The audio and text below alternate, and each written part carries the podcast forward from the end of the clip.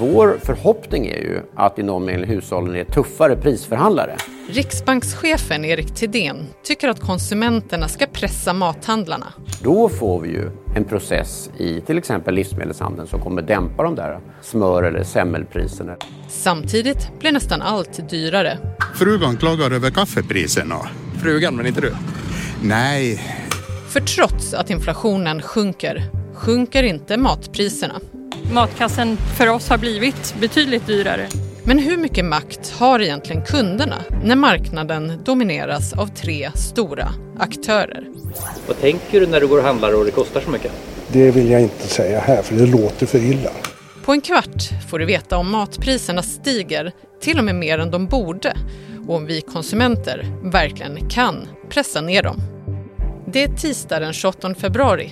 Det här är Dagens Story med mig, Maria Jelmini.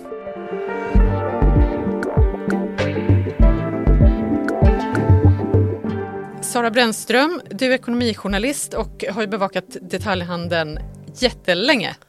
Hej! Hej! Du, eh, vi har ju sett stigande matpriser nu i eh, över ett års tid. Vad är det som har blivit dyrast? Alltså det är väldigt många varor som har blivit mycket dyrare. Alltså totalt sett har eh, priserna på livsmedel stigit med 20 procent enligt de senaste SCB-siffrorna. Det finns ju då speciella grupper som verkligen sticker ut och den ena är mejeri och den andra är frukt och grönt. Och det, vi befinner oss också i vinterhalvåret och det är klart att här har vi ju sett eh, ökade energipriser och annat verkligen spelar in för just grönsaker. Och även för mejeri där det är dyrt att hålla djur och så. Eh, I PROs undersökning så har både smör och rapsolja stigit med över 40 procent. Kort bara, vad är det generellt sett som ligger bakom eh, den här prisökningen som vi har sett nu under så lång tid? Elpriser, vi fick en ökad inflation, eh, energipriser generellt med bränslepriser och annat som har drivit upp eh, kostnader för de företag som producerar varor. De vill ju då ha intäkter så inte de bara går med förlust och då öppnas det också ett fönster för att höja priser. Människor blir liksom accepterar en prishöjning. Eh, nya riksbankschefen Erik Thedéen, han var ju inne på just eh, det här att eh, vi kanske någonstans har då accepterat de här högre priserna och att det är lite upp till konsumentet, kanske till och med konsumentens plikt att lösa inflationsfrågan genom då att vara tuffare prisförhandlare som han sa, och pressa livsmedelskedjorna. Men vad säger du, är det möjligt för konsumenten att vara en, en tuff förhandlare och pressa livsmedelspriserna? Ja, men det går kanske i viss mån och det sker ju också, alltså kunder som har Eh, let, har ju, vi har ju i media bevakat just hur kunder blir prisjägare, de jagar extrapriser och så, men långt ifrån alla i samhället har ju tid att lägga på att gå till fyra olika butiker för att man ska hitta det billigaste brödet eller det billigaste smöret just den dagen. Det har ju också drivit, då butik, drivit kunder till eh, lågprisbutiker och lågpriskoncept. Man kanske har lämnat den dyra närbutiken för, förmån till någon billigare som man ligger en bit bort och så här. Men väldigt mycket varor kostar ju vad de kostar och människor vill ha mat på bordet. Och det kanske inte går att välja bort eh, mat liksom. Hej, jag Ryan Reynolds. På Mint Mobile, we like to do the opposite of what Big Wireless does. They charge you a lot, we charge you a little. So naturally, when they announced they'd be raising their prices due to inflation, we decided to deflate our prices due to not hating you. That's right. We're cutting the price of Mint Unlimited from $30 a month to just $15 a month. Give it a try at mintmobile.com slash switch. $45 upfront for three months plus taxes and fees. Promote rate for new customers for limited time. Unlimited more than 40 gigabytes per month. Slows. Full terms at mintmobile.com. Du tog upp eh, inflationen, eh, ökade energipriser och så vidare och, du skrev ju själv nu om de senaste inflationssiffrorna när man såg att eh, inflationen då äntligen var på väg ner.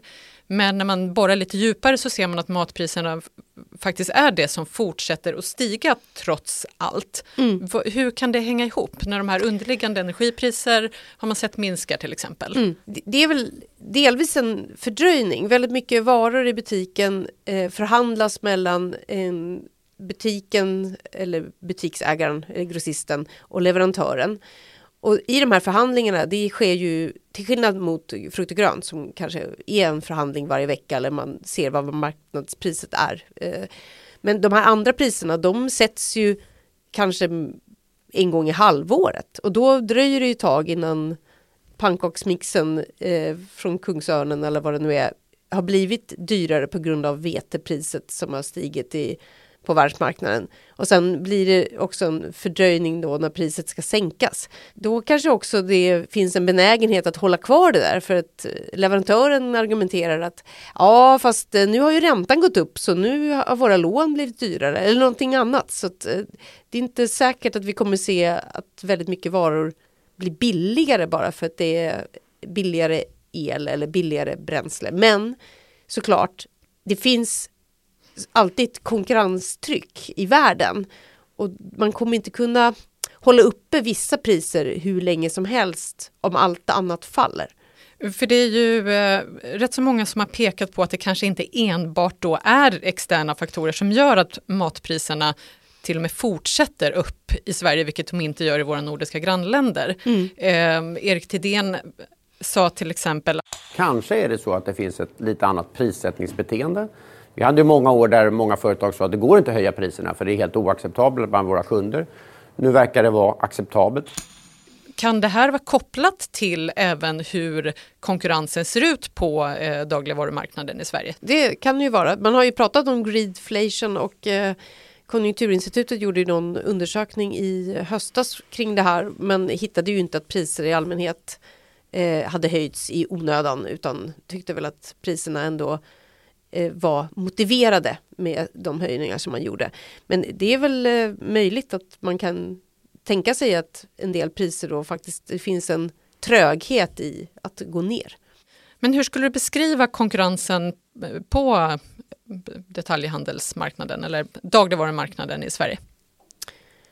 Ja, alltså man kan väl säga att det består av eh, tre eh, stora aktörer och sen några mindre.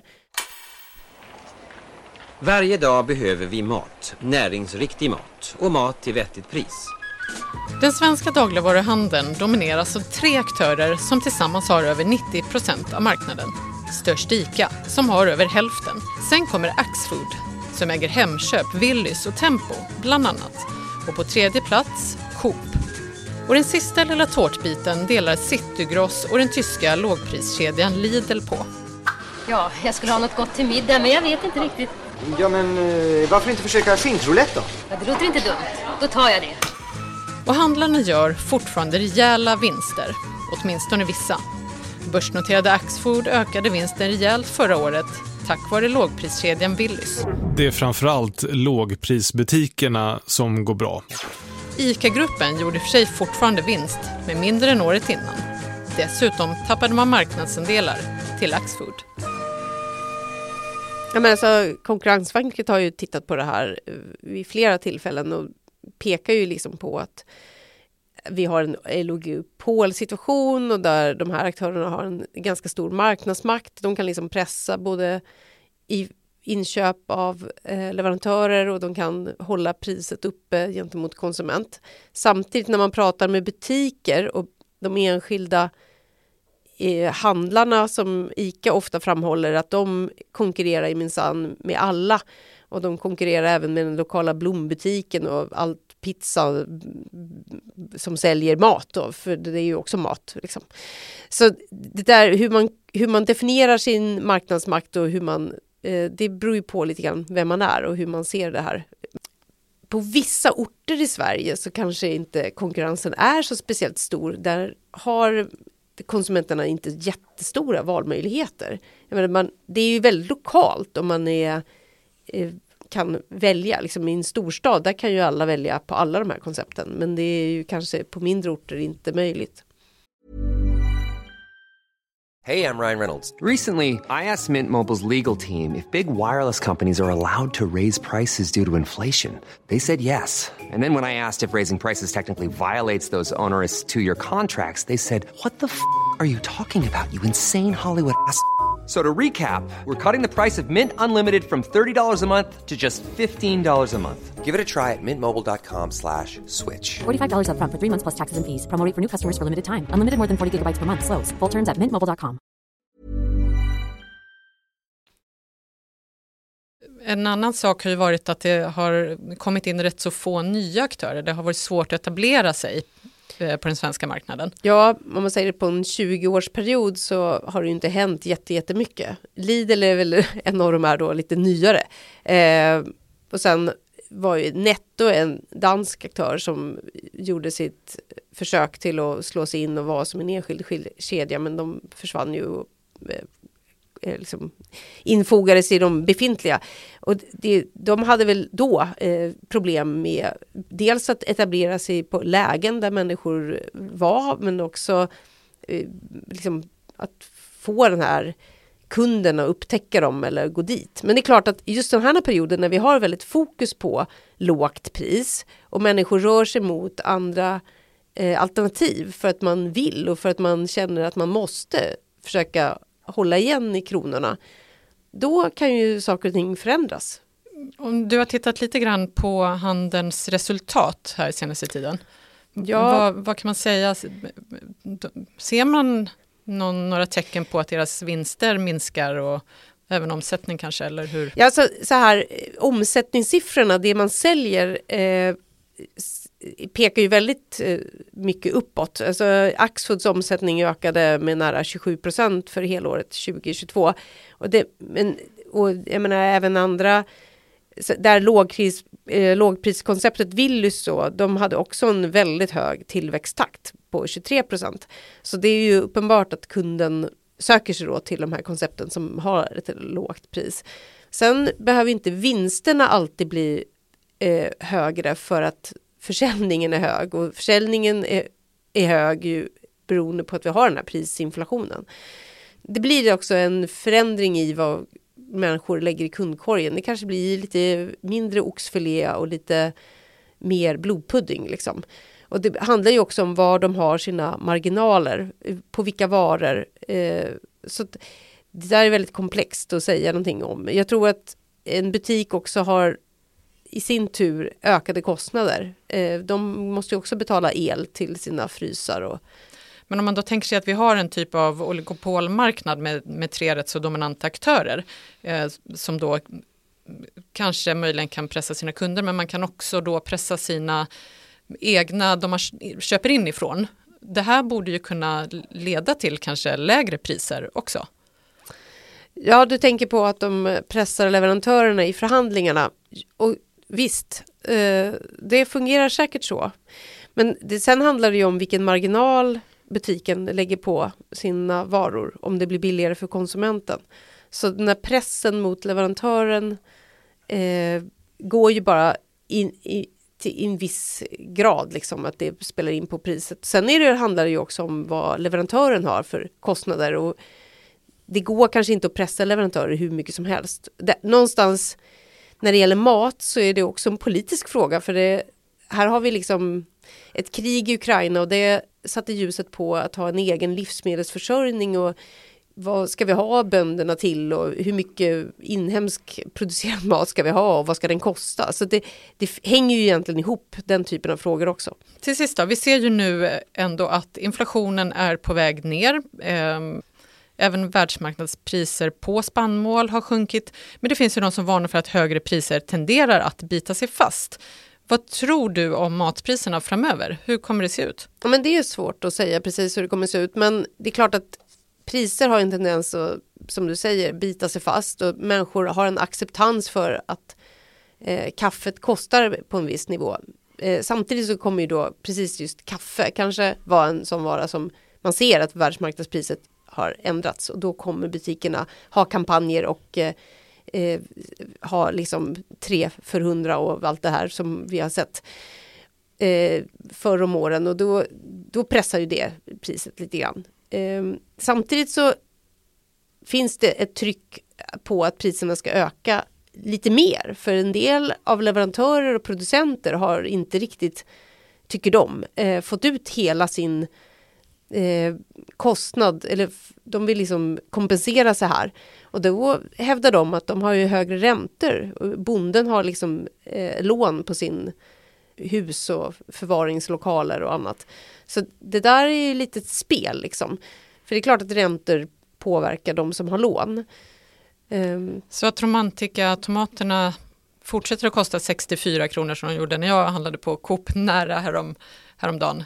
Det är inte helt osannolikt. Nej, precis. Eh, vinterodlade tomater brukar ju ofta vara lite dyrare än när vi nu går in mot vår och vi får en möjlighet att odla eh, tomater på friland och varmare länder behöver inte liksom ha elen på för värmarna växthus. Eh, ja, å andra sidan så har ju vi andra klimatomställningar eller vi har haft torka i Marocko och torka i Spanien som har gjort att priset på tomater också har stigit. Så det finns många faktorer som hela tiden påverkar vad frukt och grönt ska landa på. Tack Sara för att du var med i Dagens Story. Tack så mycket. Redaktör för dagens program var Teresa Stenler von Matern, programledare Maria Jelmini och producent Mattias Dellert. Vill du kontakta oss, mejla på dagensstory.svd.se. Och klippen i programmet kom från Sveriges Radio, Sveriges Television och ICA.